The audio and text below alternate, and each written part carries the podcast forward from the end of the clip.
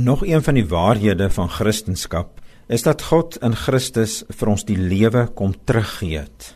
God wil ons daar kry om te ontdek en te verstaan en te beleef en dit te geniet dat hy nie 'n pretbederwer is nie, hy's 'n lewegewer. Hy staan nie en kyk na ons en hoe ons presteer en wat ons reg kry en wat ons nie reg kry nie.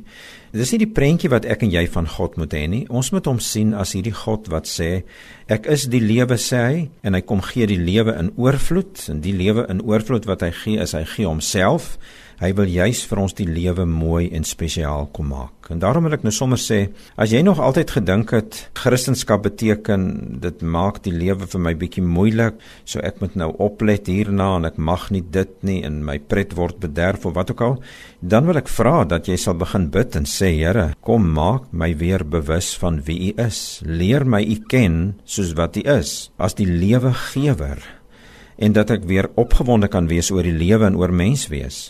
Die versie wat dit vir my vreeslik mooi oopgebreek het was Filippense 4 vers 13 wat sê ek is tot alles in staat deur hom wat my krag gee.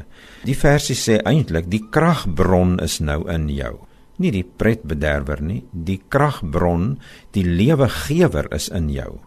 En as ons nou dink aan die kragbron wat in jou is, die ware God, skepper van hemel en aarde, hy wat in Christus neergebuig het tot op ons vlak, dan weet jy in 'n geestelike sin is daar nooit iets soos beerdkrag nie. Dis nie asof daar momente kan kom en tye kan kom wat hy teleurgestel is en afgehaal is en dat 'n mens sou kon sê sy krag is nie nou beskikbaar nie.